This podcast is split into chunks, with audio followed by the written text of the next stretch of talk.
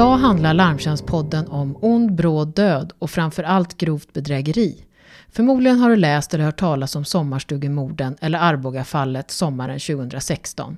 Leif GW har pratat om det i Veckans brott och det finns flera poddar om fallet. Det du kanske inte vet är att allt börjar med en livförsäkring ett helt år innan det vi idag kallar för sommarstugemorden. När Johanna Möllers man dör vill hon få ersättning från livförsäkringen på honom och det är den utredningen året innan åtal som du ska få höra om här. Avsnittet är väldigt mycket längre än vanligt och med många detaljer och intressant fakta som lägger pusslet om vad som hände i Arboga i en sommarstuga sommaren 2015 och senare 2016. Mina gäster idag heter Mårten Sällström och Gunilla Andrén som båda utredare på If Försäkring och som jobbade med det här ärendet. Välkomna hit! Tack så mycket! Tack så mycket! Den här historien är ju helt otrolig. Jag har lyssnat på flera poddar och jag tror alla har läst kilometer om hur det började. Men alltså hur började det här egentligen? Det var eh, en handläggare på livskadeavdelningen i Göteborg, Anna Thomasson, som eh, fick en internetanmälan den 14 augusti 2015 om att eh, en Aki Passida då hade drunknat. Och han hade drunknat, hittats drunknad i sjön Hjälmaren den, på morgonen den 8 augusti 2015. Han hade en livförsäkring på 2 miljoner och den hade tecknats i januari samma år, det vill säga drygt ett halvår innan dödsfallet. Och det var en livförsäkring på 2 miljoner kronor.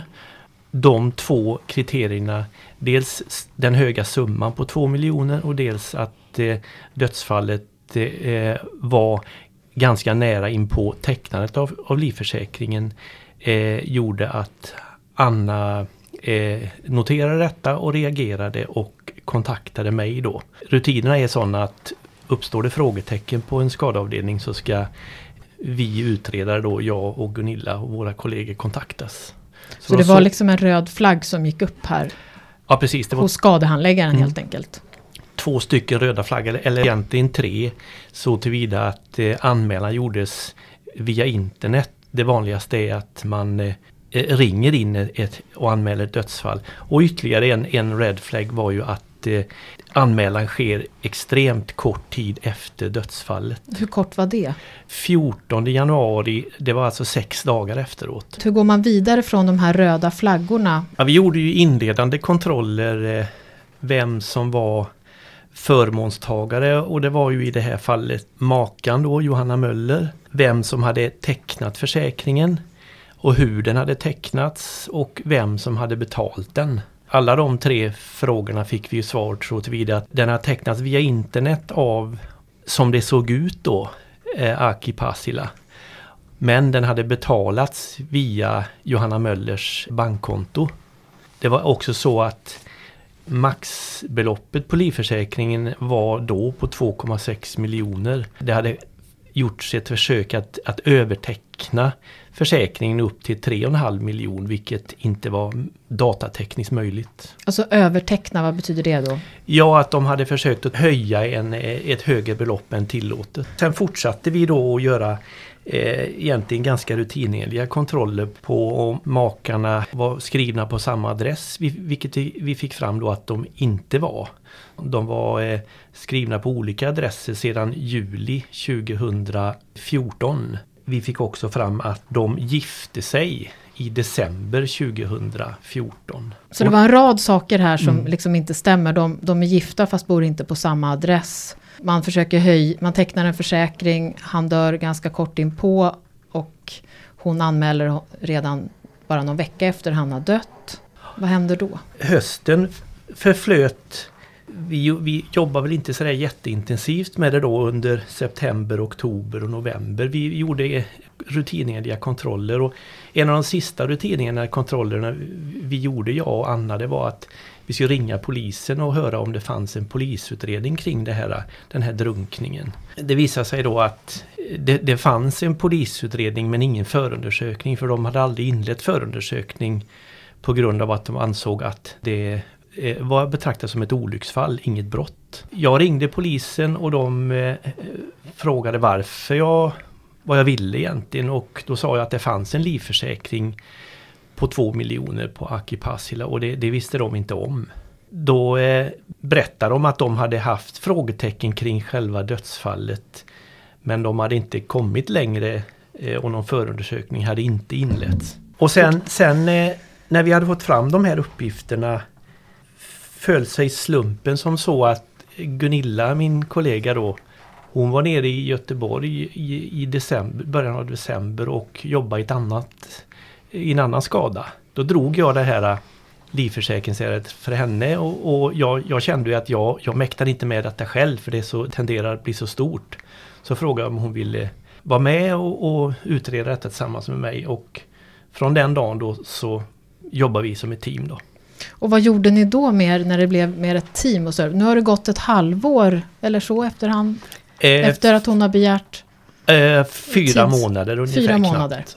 När jag blev tillfrågad av Mårten, vilket var väldigt trevligt, så en av anledningarna också var ju för att eh, Akis eh, familj bor de bor ute i Gustavsberg, föräldrar och systrar och eh, fanns anledning att, att vi skulle också vara två stycken av olika kön. Sen kommer ju, alltså hela december går ju och sen under tiden här under december och i, under helgerna så har vi ju kontakt och känner att det finns många omständigheter, det finns många, många frågor som fortfarande är obesvarade i, i den här förutredningen och som hänger i luften. Vi bestämmer oss för att eh, direkt när helgerna är, är över att eh, starta upp och boka in med familjen. Så att i början av februari så, så har vi en vecka där vi åker och besöker platsen. Då åker jag från Stockholm och Mårten åker från Göteborg. Så vi tittar på man säger, drunkningsplatsen för att få en bild av hur platsen ser ut. Vi vet ju då också att, att han har drunknat på 1,20 djup, ungefär 5 meter från land, invid en brygga. Att det finns inga skador på kroppen och att det inte heller finns något gift i kroppen. Men ändå är det ju så att eh, rättsläkaren också har skrivit i ett utlåtande att det är en oklar död. Det finns, inga, det finns inte några direkta förklaringar till varför döden har inträtt. Och nu är vi i januari. Januari. Vi inser också att för att kunna kontrollera de uppgifterna som finns i förutredningen skulle vi vilja titta på hur telefonerna och deras kontakt har varit mellan Aki och Johanna. Det gör vi. Vi får alltså möjlighet genom fullmakt ifrån Johanna som hon undertecknar och dödsboets fullmakt. Och med två firmatecknade, undertecknande av två firmatecknade på If ut telefonlistor ifrån Tele2. Och det gör vi precis innan tiden har löpt ut eftersom det är lagring bara på ett halvår på de uppgifterna. Vi kan väl nämna det också att, att eh, Innan vi besökte platsen här i, under januari månad så utredde vi lite mer noggrant hur försäkringens tecknande hade gått till. För att vi hade ju de kriterierna då att försäkringspremien hade betalats från Johanna Möllers konto. Sen fick vi fram också att både Aki och Johanna hade tecknat varsin livförsäkring. Men Johannas livförsäkring blev aldrig gällande för den betalades aldrig. Eh, och vilket också fick oss att, att utreda vidare. Och likadant så fick vi via en anställd eh, datatekniskt geni eh, som hjälpte oss att eh, göra en lokalisation av var datan befann sig när försäkringen tecknades. Och då fick vi en lokalisation på att den befann sig i Eskilstuna den 14 januari 2015. Johanna befann sig ju då, eller hon bodde i Eskilstuna. Och sen gjorde vi en första kontakt med Akis arbetsgivare för, att, för vi visste att han tidvis i alla fall vid den här tidpunkten, tidsperioden befann sig i Stockholm. Och då fick vi en första indikation på att han just den här dagen vid den här tidpunkten hade befunnit sig på sitt arbete som hantverkare då i Stockholm. Men det här är alltså, nu är det, det är försäkringsbolaget som gör all den här utredningen. Polisen är inte inkopplad vid det här. Nej, vi gör den, vi Ni gör allt det här själva. Ja. Ja. Vi vet också att det är en Android-enhet. Och vi vet att, att Aki använder iPad och iPhone. Mm. Och det, det, är väldigt snabb session om man säger. Den är öppen ungefär i 10 minuter. Man, alltså te försäkringarna tecknas under 10 minuters tid. Och sen återkopplar ju då If med hälsodeklarationer och de fylls också i med väldigt hög hastighet. Det, alltså hela sessionen är öppen maximalt 20 minuter. Och då är det också en, en omständighet eh, på Akis eh, hälsodeklaration där, han, där vi kan konstatera efteråt att han har haft vissa problem med magtarm, från magtarm. Där det står att han inte har några problem, vilket vi också tänker i efterhand då att det är tecken på att det är inte han själv som har fyllt i, det är inte han själv som har agerat. Sen är det också Johannas e- e-mailadress och hennes telefonnummer. Så att man ser kanalen in, det finns, inga, det finns ingen kanal egentligen till Aki för If då att ta kontakt med honom. Vi, vi ser ju då när, i samband med det här tecknande och att, att man har försökt att överteckna, försöker alltså teckna på 3,5 miljoner vilket inte är tillåtet. Då tar ju If, eller If tar kontakt, skriver då i den här kanalen som den enda kanalen man har. Men skriver då hej Aki Hos If kan man bara teckna på maximalt det här beloppet och, och då är det en person som svarar. Men skriver aldrig under med vänlig hälsning Aki. Men på det sättet som det är, svaret har inkommit. När vi jämför den, den, det sättet att eh, eller att skriva så har vi konstaterat att det är tveksamt om det var Aki som agerade. Och det var då den kanalen i hennes mejladress. Ja. Troligt då att det var hon som svarade mm. åt. Och den skrivs alltså i jag-form då och så undertecknas med MVH men inget namn. Och ni har ju haft annan dialog med henne antar jag så att ni kan se vad hon har skrivit och hur hon uttrycker sig kanske. Polisen ja. hade gjort det också i förutredningen. De hade sparat en hel del man säger, dialog från hennes kontakt som har varit på Facebook mellan andra parter. Så att vi hade det att jämföra med har också visat, eh, sedermera så visade vi också eh, Akis eh, anhöriga. Om de trodde att det här var ett sätt som han skulle formulera sig på, då säger de att nej, han skulle inte skriva på det sättet. Så nu är vi framme februari, vad händer sen? Nu har vi kommit dit hen att vi har, vi har tagit in telefonlista och vi fick efter lite många om och men ut en utskrift av SOS-samtalet också som Johanna hade ringt den här morgonen. Vi, vi önskar att vi fick ut ljudfilen men vi fick en utskrift av den via hennes fullmakt. Då. Nästa åtgärd i utredningen det var ju som Gunilla berörde här att vi, vi besökte platsen för drunkningen. Eh, och just det, eh, under en intensiv vecka då så började vi med att besöka platsen i Hjälmaren då där allt hade skett.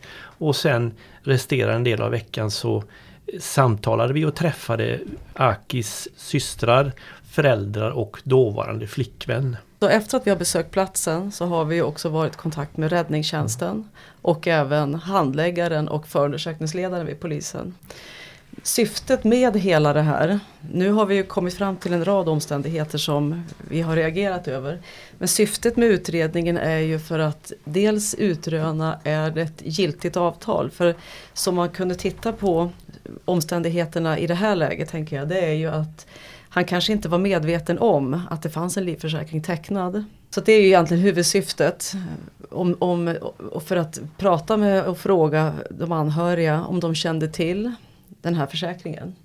I andra hand också titta på omständigheterna för hur, hur drunkningen, omständigheterna vid drunkningen. Om det kunde ligga ett brott bakom. Så om man inte känner till att man har en livförsäkring tecknad på sig, är den inte giltig då? Man får helt enkelt inte teckna en försäkring på någon annan utan den personens vetskap. För att eh, vara förmånstagare. Alltså den som får pengarna? Mm, så är det ju alltså att man är sammanboende eller gift. Och vid den här tidpunkten var de inte sammanboende. Och det är därför det också det är så ologiskt. Alltså, de hade ju flyttat ifrån varandra sommaren 2014. Då flyttade alltså Johanna in i en egen lägenhet i Eskilstuna. De har tidigare bott tillsammans i ett gemensamt ägt hus. Det är alltså till försäljning i oktober 2014. Acke bor kvar då in på att till de nya ägarna ska tillträda, vilket de ska göra i, i februari 2015. Men trots det så gifter hon sig i december 2014 och efter ungefär tre veckor så tecknas eh, livförsäkringarna. Vi fann också under den inledande utredningen att Folksam var inblandat också så tillvida att de i november 2014 hade ansökt om två två livförsäkringar på respektive om 6 miljoner kronor. Och vad hände med det? Det blev inget? Ja, det visade sig ju i efterhand då att i och med att det var så högt belopp på Folksam så krävde de läkarundersökningar. Aki genomförde två läkarundersökningar under våren och sommaren 2015. Sen eh, eh, avled han då tragiskt nog innan den tredje läkarundersökningen hann genomföras. Men däremot Johannas eh, eh, livförsäkring och hennes eh, läkarundersökningar, de, de, hon gjorde aldrig dem. Trots påminnelser. Men vad hon gjorde däremot det var att hon, hon ringde Folksam och försökte förmå dem att påskynda att Akis livförsäkring skulle bli gällande. Så då har vi dels Folksam som har, det blev inget med det. Och sen så, nu så är vi framme vid VAR. Ja, vi börjar ju att träffa räddningstjänstens personal i det, Arboga då. Mm. Eh, den här intensiva veckan då som vi började med att besöka platsen. Vi visste från förutredningen att Akis föräldrar hade sagt att han aldrig någonsin ville åka tillbaka till den här platsen. Mm. Och det visste vi inte riktigt vad anledningen var då. för vi är ju inte så långt in i att få en bild av vad är det som har gjort att han har de tankarna.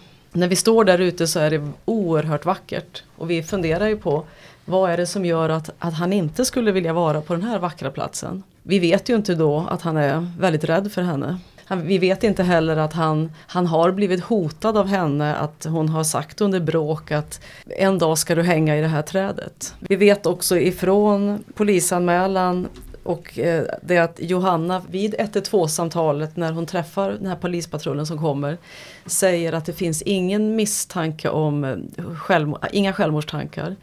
Han har heller inga drogproblem. Och eh, som sagt var, det har sagt att eh, han har inte några gifter i blodet, han inte, han, det finns inga skador. Och då undrar vi ju länge hur kan det ha gått till? För att när vi stod där, vilket var i februari, såg det inte ens ut att vara 1,20 djup. Det är, det är brygga bredvid. Han hade, om han hade ramlat så hade han ju haft någonting att ta, ta tag i och resa sig upp bara. Och att lägga sig ner på rygg och andas in vatten går inte heller för kroppen har sådana reflexer så att den, den reser sig upp. Så man kan inte forcera en drunkning av sig själv. Så tillvida att man inte är man har tagit sömntabletter eller andra tabletter. Eller alkohol för det ja. hävdar de väl att de drack då? Han hade, han hade 1,36 eh, i blodet. Men rättsläkaren hade skrivit att med tanke på hans fysik, han, hade, han, var, han vägde 90 kilo, han var vältränad och den mängden alkohol i sig var inte, kunde inte förklara att döden hade inträtt. Det var ingen, ingen förklaring till att döden hade inträtt. Vad, vad vi, eh, vi fick en, en, en stark känsla av när vi besökte sommarstället då vid Hjälmaren att eh, någonting inte stod rätt till när vi såg hur, hur, stort det var rent geografiskt. Det var, det var cirka 300 meter från, från eh, boningshuset eh, ner till bryggan. Och det var eh, helt omöjligt att se, ha någon sikt ifrån huset ner till bryggan. Och, och det vägde vi ju in då i anledning av att Johanna hade ju i polisförhör berättat att hon, hon på kvällen den 7 augusti satt nere på bryggan och vid eh, halv nio tiden då på kvällen så begav hon sig upp tillsammans med tvillingarna som då var två och ett halvt år gamla för att, att natta dem och lägga dem i, i huset. För att efteråt bege sig ner till bryggan för att återuppta middagen då med Aki eller umgås med honom då. Den känslan och, och starka intrycket av hur fel det tillvägagångssättet var från Johanna. Den kunde vi aldrig fått om vi inte hade besökt platsen. En annan sak också att man ändå fick en bild av att eh, att han inte hade någon vilja att vara på platsen var ju att det finns, det finns inga grannar eller någonting. Så att det, det är också ur sådana aspekter en perfekt plats eftersom du, du är ensam, det finns, ingen, det finns ingen insyn ifrån någon på sidorna. Men mobiltelefonen fungerar där? Jag vet att polisen har har ju haft mycket mätningar på vilka master som kopplas upp beroende på vart man befinner sig. Och sen dagen efter vårt besök då på på platsen vid Hjälmaren så hade vi eh, avtalat tid med två av räddningstjänstens eh, killar som har varit på platsen på morgonen. Det blev ett jättebra samtal. De, de var väl inledningsvis lite frågande till varför vi ville prata med dem överhuvudtaget. Men eh, det blev ett jättebra samtal. De, de svarade på våra frågor på ett professionellt sätt. Eh, ju mer samtalet eh, gick, ju mera informativt det blev, ju mer information kunde vi ge dem om orsaken till samtalet. Och då, då fick båda två en sån här aha-upplevelse. Ungefär som att de inte hade tänkt på vissa detaljer då. Förrän vi ställde frågan eller för att de kom på ytterligare saker. En detalj som jag minns speciellt väl det var att de under vårat samtal med dem kom på att aha, den här morgonen när den kommer ut så såg Johanna Möller väldigt nysminkad och pigg ut. Trots en uppenbarligen en trauma, väldigt traumatisk morgon som det borde ha varit för henne. Ja, det är många delar här som man känner är märkliga i den här historien mm. mm. hela tiden faktiskt. Men vad händer efter den här veckan när ni nu får extra information och ni känner att ni har mer kött på benen kanske? Ja, veckan är ju inte slut ännu. Vi, vi ville ju gärna också prata med den här, den här patrullen, polispatrullen som kommer till plats. Vilket eh, jag försöker ifrån mitt kontor i Stockholm att eh, ringa då för att boka, försöker söka dem via 114 14. För att de också ska, att vi ska kunna få chans att träffa dem samtidigt som vi träffar handläggaren och förundersökningsledaren. Men jag lyckas inte med det. Jag kommer fram till en person som inte är villig att ge eh, att hjälpa mig att titta ifall de är i tjänst eller att skicka ett internmail. Eller att lämna ut några telefonnummer så att jag har möjlighet att göra det själv. Så att vi, vi lyckas inte att prata med dem. Och sen när vi eh, pratar med handläggare och förundersökningsledare så, så är de väldigt förvånade över att vi tar kontakt. De har aldrig varit med om det tidigare och de tycker att det känns väldigt konstigt säger de. Och de säger till oss också, eh, även om vi har, vi lämnar mycket information kring varför vi är intresserade av ärendet och vad vad de har för tankar kring det så blir vi ändå väldigt vi blir väldigt överrumplade av deras ointresse av ärendet. Det visar sig i och för sig också att handläggaren ska gå i pension två månader senare. Förundersökningsledaren säger minst tio gånger att det är inget konstigt med det här. Men avslutar sen efter ungefär två timmar, när vi har suttit och pratats vid i två timmar, att eh, det kanske är det perfekta mordet, säger han. Och det, den tanken har ju vi redan haft i huvudet att det är det skulle kunna vara, för vi ser redan en planering.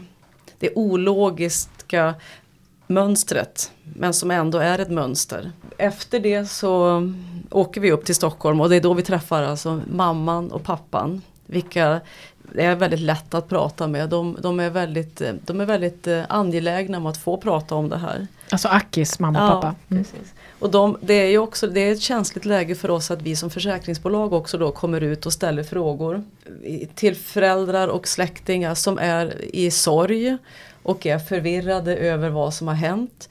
Men Akis föräldrar har ju redan en övertygelse om att Johanna Möller har med deras sons död att göra. Det har de presenterat redan i första förhöret. De har den tanken själva.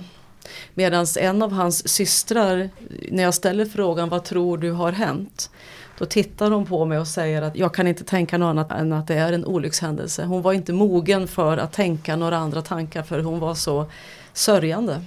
Så att vi fick eh, ta det väldigt försiktigt men framförallt med, man säger mamman till Aki, hon, hon säger på slutet att eh, deras son har alltså berättat för dem ja, att Johanna ska ha sagt alltså till deras son att hon ska elda upp det här stället. Medan föräldrarna sover på övervåningen. Och till och med att hon ska elda då i farstukvisten så att de inte kan komma ut. Så det, det har hon uttalat till, sin, till Aki. Och Aki har sagt det till sina föräldrar. Och samtalet med Akis föräldrar, de är ju, var ju då ungefär i 75-årsåldern. Via tolk. Men hon var väldigt angelägen om att förmedla det, vad han hade sagt och vad, de, vad hon tyckte var väldigt märkligt. Och vilket jag också reagerar över. För det är oerhört märkligt att en kvinna uttrycker en sån sak, att hon ska elda upp sina egna föräldrar. Chockerande. Och frågade henne då, har du berättat det här för polisen? Ja, säger hon, det har hon gjort. Det är ingenting som vi har sett i materialet. Men det är någonting som vi verkligen tänkte på från den dagen. Att hon, var, hon är farlig. Vi får också fram mycket bra information angående den här Folksamförsäkringen för att den kunde, den kunde inte vi hitta. Vi kunde inte hitta handläggaren eftersom den var inte registrerad, den var ju inte giltig och då hade man ju inte registrerat den. Och, då, och det, det kände de till, föräldrarna kände till att han hade suttit och gjort anteckningar och fyllt i blanketter. För det sa hon att jag stod bakom hans rygg när han gjorde det. Sen så sa hon också att han fyllde i en skilsmässoansökan och då hade hon sagt att du kan ju skicka in den här skilsmässoansökan själv. Nej, då sa han att jag, jag eh, överlämnar den till Johanna så att hon också undertecknar på samma blankett för det blir bättre. Vid den här tiden så har ju då Aki redan i februari 2015 då har han upptäckt att Johanna är otrogen med flera män. De har alltså gift sig i december 2014. I februari 2015 så ringer han till sin första fru och gråter hejdlöst och säger då att han har upptäckt att hon är otrogen. Sen är det andra saker också som har hänt. De har varit iväg ensamma i Egypten. Han har kommit tillbaks varit okontaktbar för, för sin familj under en vecka och vaknat upp i sin urin och avföring. Och han, han misstänker då att han har blivit drogad. Han tar kontakt med sjukhus i Eskilstuna där det finns i journalerna att han misstänker att han har blivit drogad. Och det är också någonting som polisen har försökt gå vidare med och utreda. Från februari så är han ju rädd ordentligt för Johanna.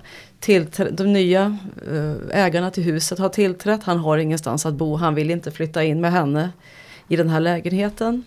Utan han flyttar upp till sina föräldrar och bor på deras soffa. Och de bor i Gustavsberg. Så det är en man som egentligen levt under hot under en lång period? Eller ja, rädsla? Det, den, I alla fall rädsla, ja. ja. Nu har ni varit och pratat med föräldrarna. Mm. Och vad är vi i februari, mars? Mars, slutet av februari. Vi planerar ett, ett samtal med Johanna Möller. Och våra rutiner inom, inom vårt arbete säger att det är att vi, vi träffar våra kunder eh, antingen hemma eller på vårt kontor. Och i Eskilstuna där Johanna bodde då, det finns inget kontor för, för RIFs räkning. Vi bestämde då att vi inte ville besöka henne hemma för vi ville vara på neutral mark. Så att vi kom dit hen att vi bestämde att vi skulle boka ett, ett litet konferensrum på Stadshotellet i Eskilstuna. Under utredningens gång hade det växt fram en, en bild av, av Johanna Möller som eh, lite läskig och, och, speciell så att vi ville på något sätt hämta hem våra, våra känslor och, och vara riktigt fokuserade innan vi träffade Johanna Möller då. Så att det, det dröjde väl drygt en månad innan vi, vi till slut träffade henne då den 6 april. Och vad gav det för intryck? Fram till den 6 april så hade vi haft mailkontakt med Johanna och och vi hade också berättat att din försäkringsskada är föremål för utredning vilket innebär att vi gör lite noggrannare kontroller av eh, detaljer kring tecknandet och dödsfallet. Vi, vi, kände att det fanns inget motstånd från Johanna Mölders sida alls egentligen. Nej, hon har gett fullmakter här också ja, genom hela... Ja. ja. Och eh, vi bestämde då till slut att eh, vi skulle träffas på Stadshotellet i Eskilstuna den 6 april klockan 13.00. Och så sent som dagen innan då så kvitterade hon att då ses vi i lobbyn klockan 13 den 6 april då. Vi hade ju oerhört många frågor som vi ville ställa till henne och vi tänkte ju, vi undrade hur länge hon skulle tycka att det kändes okej. Okay. Så vi var medvetna om att vi måste ta det försiktigt.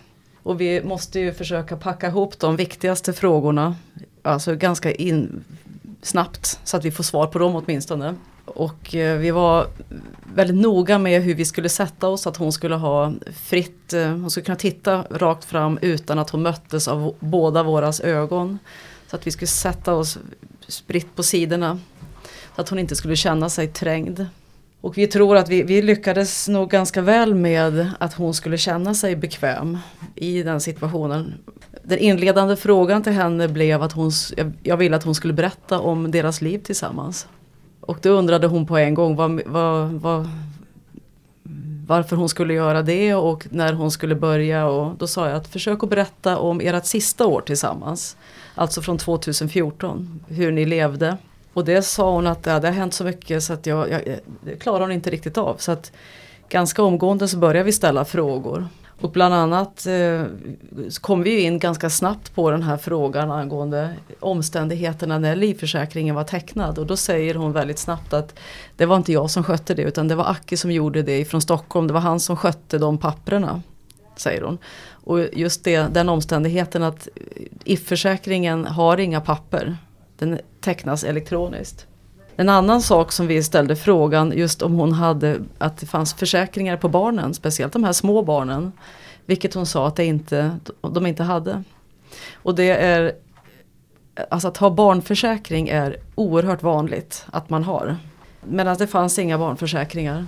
Vårt samtal då den 6 april hade egentligen två syften. Det första och, och eh, största syftet det var ju att få henne att berätta om hur försäkringen tecknades. Sen såg vi det som en liten bonus om vi kunde få henne att berätta vad som hände på kvällen den 7 augusti och på morgonen den 8 augusti. Eh, då Aki hittades död. Vi lyckades väldigt väl med det kan jag säga. Vi hade väl nästan kalkylerat med att hon kanske efter en halvtimme skulle resa sig upp och gå bara när hon hade berättat om försäkringen. Men vi lyckades eh, ha kvar henne på hyfsat gott humör. Så hon berättade väldigt detaljerat om vad som hände på kvällen och morgonen. Eh, Acke hade ju fyllt år på måndagen. Han skulle egentligen fira helgen tillsammans med sin flickvän som bor i Flen. Och, eh, det var bestämt egentligen att han skulle komma till henne redan på torsdagskvällen. Och varför han inte fullföljde det eller när planerna gjordes om eller vilka planer som ens alla de här omständigheterna kring den här helgen är ju väldigt oklara. Och varför? Man tänker ju att om man är hotad att man inte skulle sätta sig i en sån sits. Å andra sidan hade de barn så att man tänker att det också är något som man kan locka med, ja, tänker jag. Mm. Vi har spekulerat mycket i hur har han kommit till platsen, har han gjort det frivilligt och hur, vad har man lockat med? Men eventuellt kan man ha lockat med den här födelsedagen. För det är det hon säger att vi skulle fira hans födelsedag. Eh, jag frågade hur stämningen var och de, hans, hon sa då att jo men vi, det var bra stämning, vi skulle fira honom. Och vi vet också om kvällen att eh, hon säger att han ska ut i båt och fiska kräftor. Vilket var någonting som de brukar göra för det här landstället. Och det, det förvånar oss väldigt mycket att hon somnar. Hon säger då att hon skickar ett sms till honom på kvällen. Det, det visar den här telefonlistan att det är fel för att hon skickar hon skickar sms flera gånger om, tror jag tre sms går den kvällen och det är alltså kvart i nio, kvart i tio, kvart i elva. Hon skickar med en timmas mellanrum ungefär. Sen på morgonen när hon vaknar så det är fortfarande inte så att hon, tar, hon ringer till honom när hon upptäcker att han inte är i stugan. Hon skickar något sms. Sen går hon omkring med barnen och går ner till en strand. Hon går inte ut ens på den här bryggan. Jag frågar henne, var du inte orolig då när, när du upptäcker att han inte är, är där? Och då säger hon att nej, då var hon arg istället. Vilket förvånar oss väldigt mycket. Hon sa att han brukar dra sig undan så att, eller sticka härifrån så att hon var inte alls förvånad över det. Och då, det förvånar oss att hon byter då, att hon är helt plötsligt arg och jag frågar, hände det något speciellt? Hade det hänt något speciellt? Och då drar hon upp alltså gamla saker som har hänt tidigare. Det, det var ändå så att det, i samtalet fanns en, en vrede hela tiden, en underliggande vrede. Och hon säger också flera gånger att hon tyckte att Aki var ett svin, ordagrant. Vilket var väldigt märkligt. Ja, vi blev helt enkelt tagna av, av hennes eh, aggressiva hållning till sin döda make. Hon borde uttryckt helt andra känslor inför detta då. Dels hade han dött men han hade dött under oklara omständigheter. Hon visste inte hur han hade dött. Eh, men ändå så uttryckte hon sån ilska och pratade egentligen bara illa om honom under hela vårt samtal. Hon uttryckte att hon inte direkt letade efter honom på morgonen och trots det så ringer hon SOS då någon minut över, över nio på morgonen den, den åttonde då. Hon uttryckte också att han brukar ligga i gästhuset så att han ska slippa ta hand om barnen. Och då blir ju våran följdfråga naturligtvis om hon letade efter honom i gästhuset. Då svarar hon nej, det hade hon inte gjort. Trots det så ringer hon alltså SOS. Vid det laget så hade ju vi läst utskriften från SOS-samtalet som Johanna ringde då. Bland många detaljer i det där samtalet så eh, reagerade vi på, på en detalj speciellt. Det var ju att hon hade sagt till oss under vårt samtal att hon ringde SOS när hon såg båten ligga i vassen 30 meter från bryggan. Hon får också frågan från SOS-operatören om hon kan se om det ligger en person i, i båten. Och på den frågan svarar hon nej så tillvida att hon ser att det inte ligger en person i båten. Då visste ju jag och Gunilla då efter att ha läst SOS-utskriften att hon mitt under det samtalet med SOS-operatören säger Nu ser jag båten. Alltså mitt under samtalet. Och då får hon också nästa fråga Ser du om det ligger någon i båten? Och då svarar hon nej. För att återgå till en annan detalj kring det då, när vi träffade räddningstjänstens personal, då, då, ställde vi just den frågan när de stod på bryggan och såg båten ute i vassen cirka 30 meter från bryggan om det gick att se om det låg någon i båten. Och då svarar de ett klockrent nej, det gick inte att se.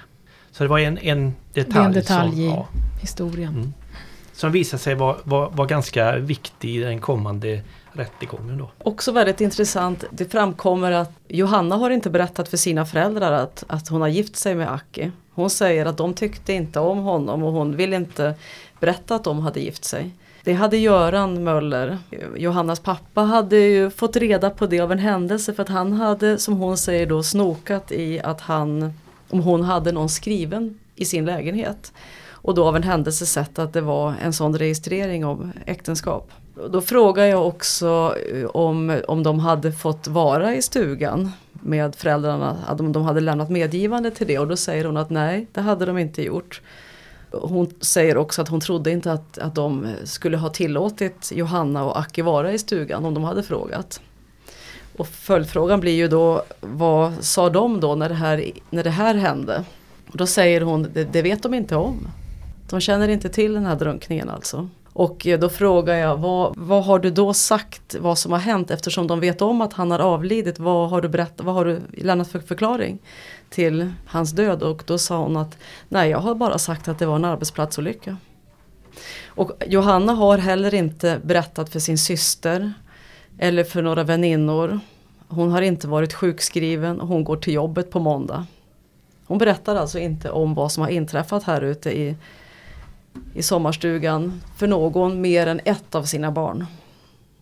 Jag tycker den här Johanna Möller, vad har ni, kan vi ta någonting om hennes beteende eller sätt att vara? Jag har ju lyssnat på några poddar och sådär och det verkar vara många trådar kring henne och vad hon hittar på eller vad som är sant, vad är falskt och så vidare. Ni som har träffat henne eller har någon uppfattning, hennes beteende är ju väldigt speciellt tycker jag. Hon, hon är helt obekymrad när hon säger att eh, att hon inte har berättat för någon. Hon är helt iskall.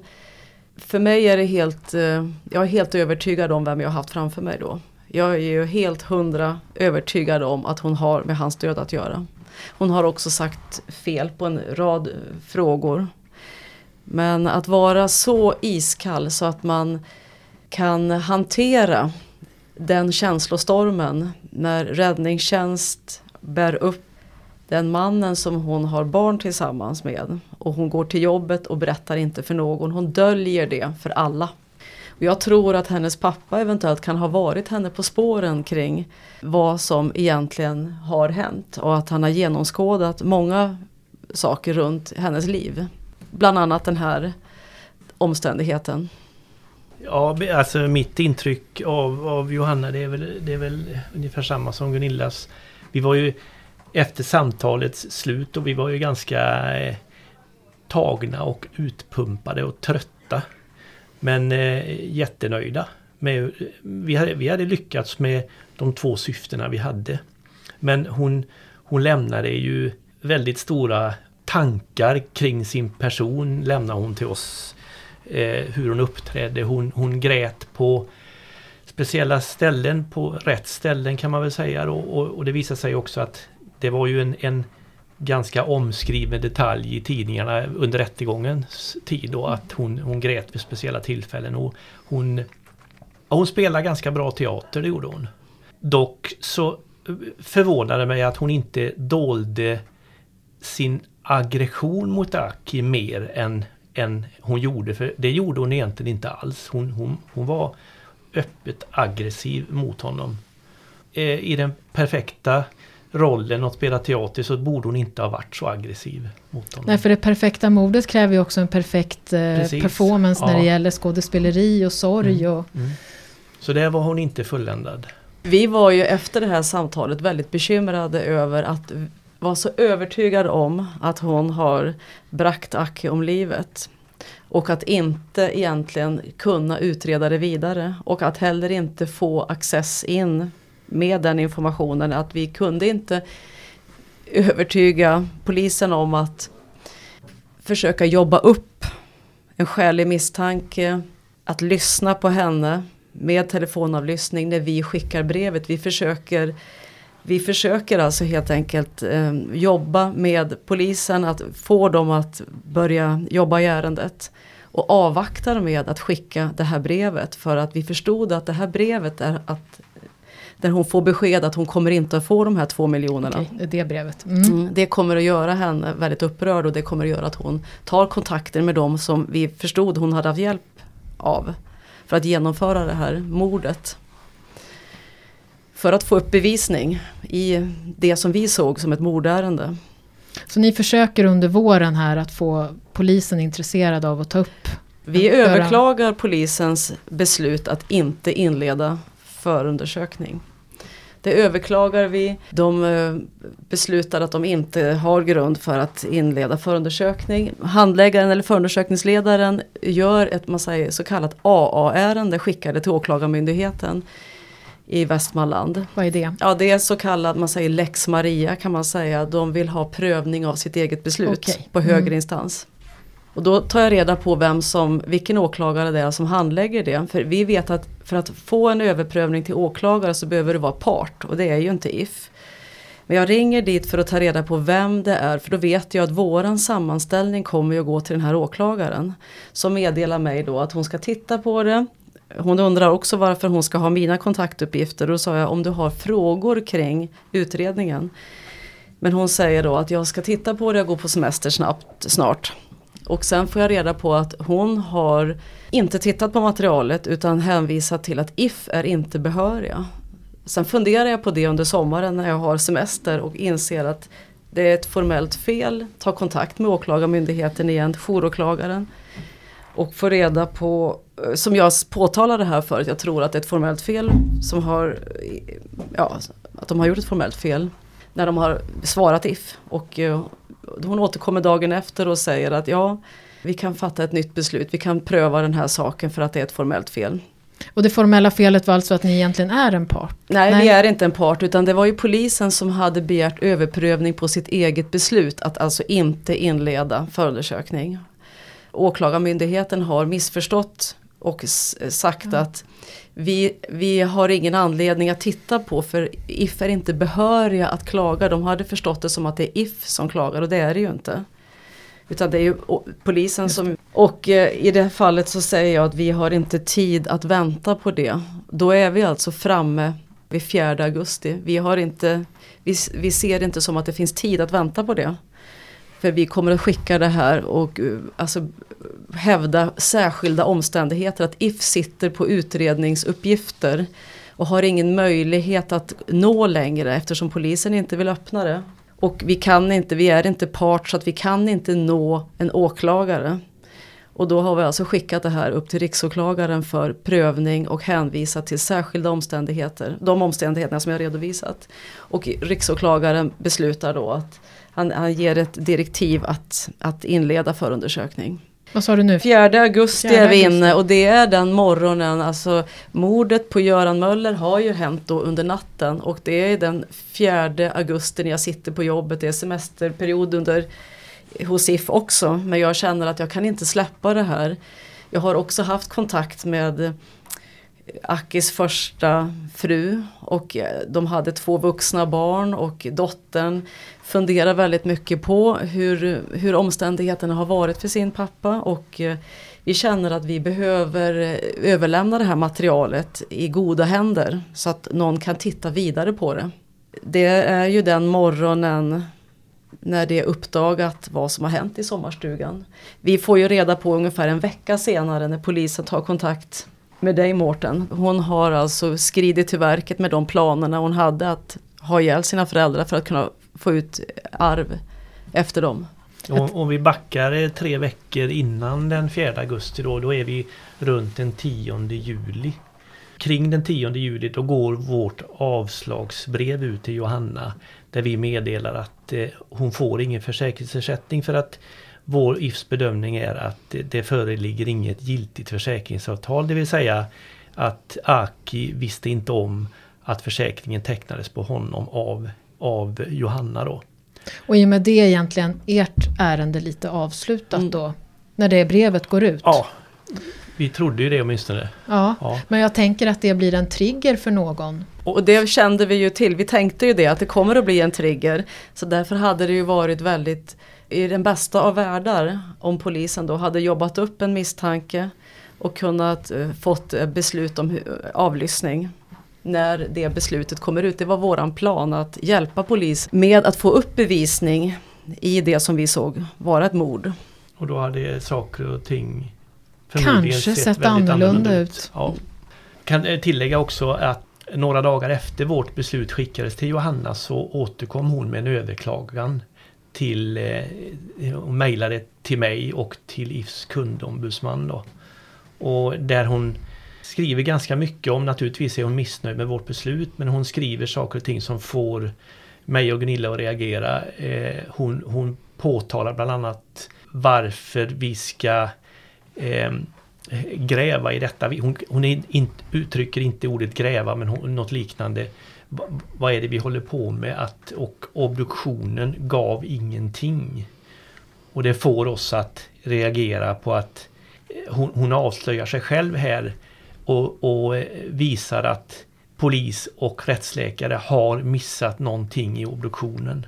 Jag menar, ett, ett normalt beteende från hennes sida det, det, det borde ju istället vara att uttrycka tacksamhet för att vi utreder.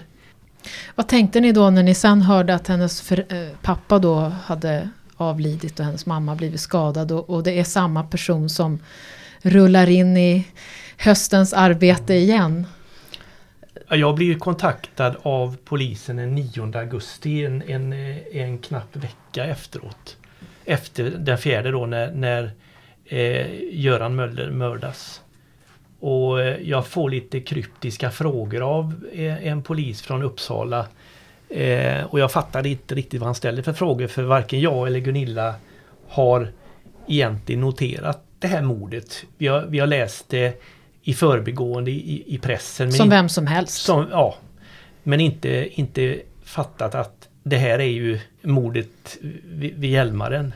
Och det sista han säger till mig, polisen, när jag frågar varför han ställer de här frågorna om, om vår utredning kring den här drunkningen. Så, så vad, vad, vad ställer du, varför ställer du frågorna? Ja, du får läsa i, i, i pressen.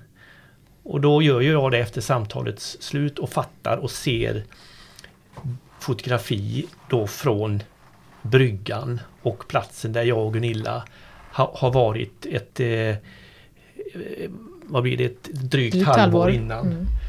Eh, innan den blev rikskänd den här bryggan. Och då ringer jag Gunilla och berättar. Och då är hon på semester. Det är precis i den tiden när de släpper det här. Jag, jag, hörde, det, jag hörde om mordet i Arboga och reagerade direkt och tänkte att oj, undrar om, men så tänkte jag, jag slog bort det på en gång för jag tänkte att eh, det, det är för mycket för att vara sant. Och eh, sen när man fick höra också att man hade häktat kvinnan så tänkte jag att nej, det är något annat vanligt slagsmål. Det här rör sig om någonting annat. Då slog jag bort det. Och som sagt var jag hade semester. Men sen min reaktion när jag får när vi förstår att hon har så är ju det, det är chockerande. Riktigt chockerande. Så att vi blir ju alltså oerhört eh, Alltså det, tankarna flyter. Det, det, vi är väldigt upptagna tankemässigt av hela den här utredningen och vad som har hänt, vad vi har kommit fram till. Och efter också så har vi haft en hel del kontakt med poliserna och eh, överlämningen till poliserna, våran utredning. Till För nu tar de upp mm. eran gamla då? Och de poliserna som, som tar över utredningen är ju alltså väl eh, erfarna, väldigt intresserade och de säger ju att vi har lyssnat på allt och vi har läst allt. Vi är som ni 100% övertygade. Från början, så vi behöver inte diskutera det. Så de hade en helt annan inställning. Och det leder då till sen att man öppnar grav och gör ytterligare efterforskningar mm. kring Aki? De säger ju det när de tar hand om att vi kommer att vända på varenda sten. Vi kommer att titta på alla omständigheterna. Så jag tycker att de har gjort ett oerhört eh, bra jobb. Med tanke på att det fanns inte så mycket de har ju de har fått fiska, alltså försöka få tag på information. Det fanns ju ingenting eftersom man inte gjorde någon brottsplatsteknisk undersökning så, så har de inte haft, det har inte varit en lätt utredning. Har inte haft de bästa förutsättningarna. Nej. Allting har ju kallnat så att säga. Ingen brottsplatsundersökning, inga beslag av telefoner, datorer. Ingenting fanns ju att, att tillgå efter så lång tid all telefontrafik, vi hade ju sparat en, vi, vi, fick ju ut telefontrafiken som lagras då bara ett halvår. Den, den har vi, vi lyckats få ut en del av som vi också överlämnar till polisen. Vilket var någonting, jag tror att de har kunnat jobba med det materialet också. Och i tingsrätten då så då fälls hon för det här mordet även på sin man. Men inte i hovrätten. Nej, hon fälls för anstiftan, anstiftan till mord. Ja, anstiftan i, till mord, precis. I tingsrätten och hon fälls även, även för vår, vår del bedrägeri. Bedrägeridelen ja. Mm. Det gör hon. Och sen frias hon ju för anstiftan till mordet på Aki i hovrätten. Men fälls för bedrägeriförsöket mot If. Det, det är ju fortfarande en oklarhet i hur han har förlorat livet. Alltså hur har det, hur på vilket sätt Aki dog. Mm. Mm. Vi har ju, vi har ju, både jag och Gunilla har ju ställt oss varandra frågan tusentals gånger. Jag vet inte hur många timmar vi har pratat om detta och, och eh, diskuterat och spekulerat hur det här har gått till. Och ingen vet ju idag, eller no, någon eller några vet ju. Det är ju oklart än idag. Vi, hoppas väl att vi får reda på det någon dag. Det kanske kommer en biografi? Ja, man vet inte. Hon är, hon är överraskningarnas kvinna.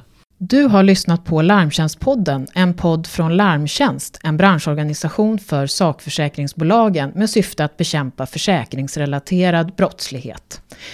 Vill du lyssna på mer om sommarstugemorden så finns det en podd som heter En mörk historia som gjort sex avsnitt som baserar sig på rättegångarna. Gäster idag var Mårten Sällström och Gunilla Andrén från If Försäkring och jag heter Ulrika Loob.